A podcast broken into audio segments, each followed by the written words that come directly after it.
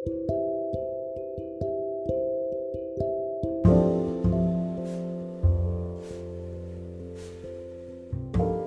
awalnya, aku termasuk orang yang gak peduli sama omongan orang.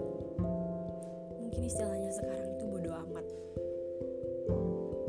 Tapi setelah aku ngerasa ada di titik di mana aku gak bisa ngelakuin apa pun buat diri aku, gak bisa banget sama sekali.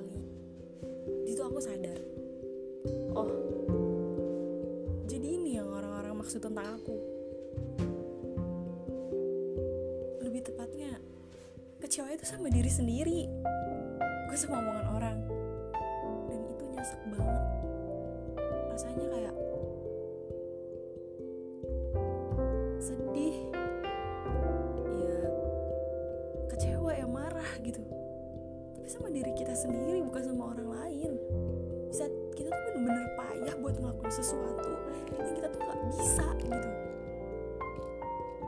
Oke lah kalau misalkan orang lain ngehina orang lain mencaci maki dengan apa pun yang kita lakukan kita nggak bisa dong mencegah mereka untuk senantiasa berkata buruk tentang kita. Kenapa? Karena nggak semua orang itu bisa bisa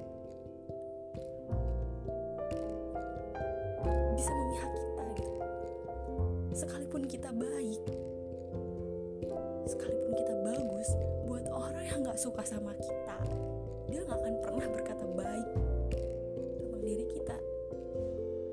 Tapi ini beda. Ini diri sendiri.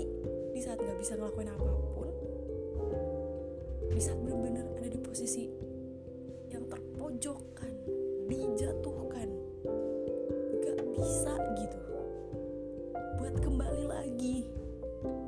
sosok diri kita yang bodoh amat mencoba untuk tidak peduli dengan omongan orang itu susah.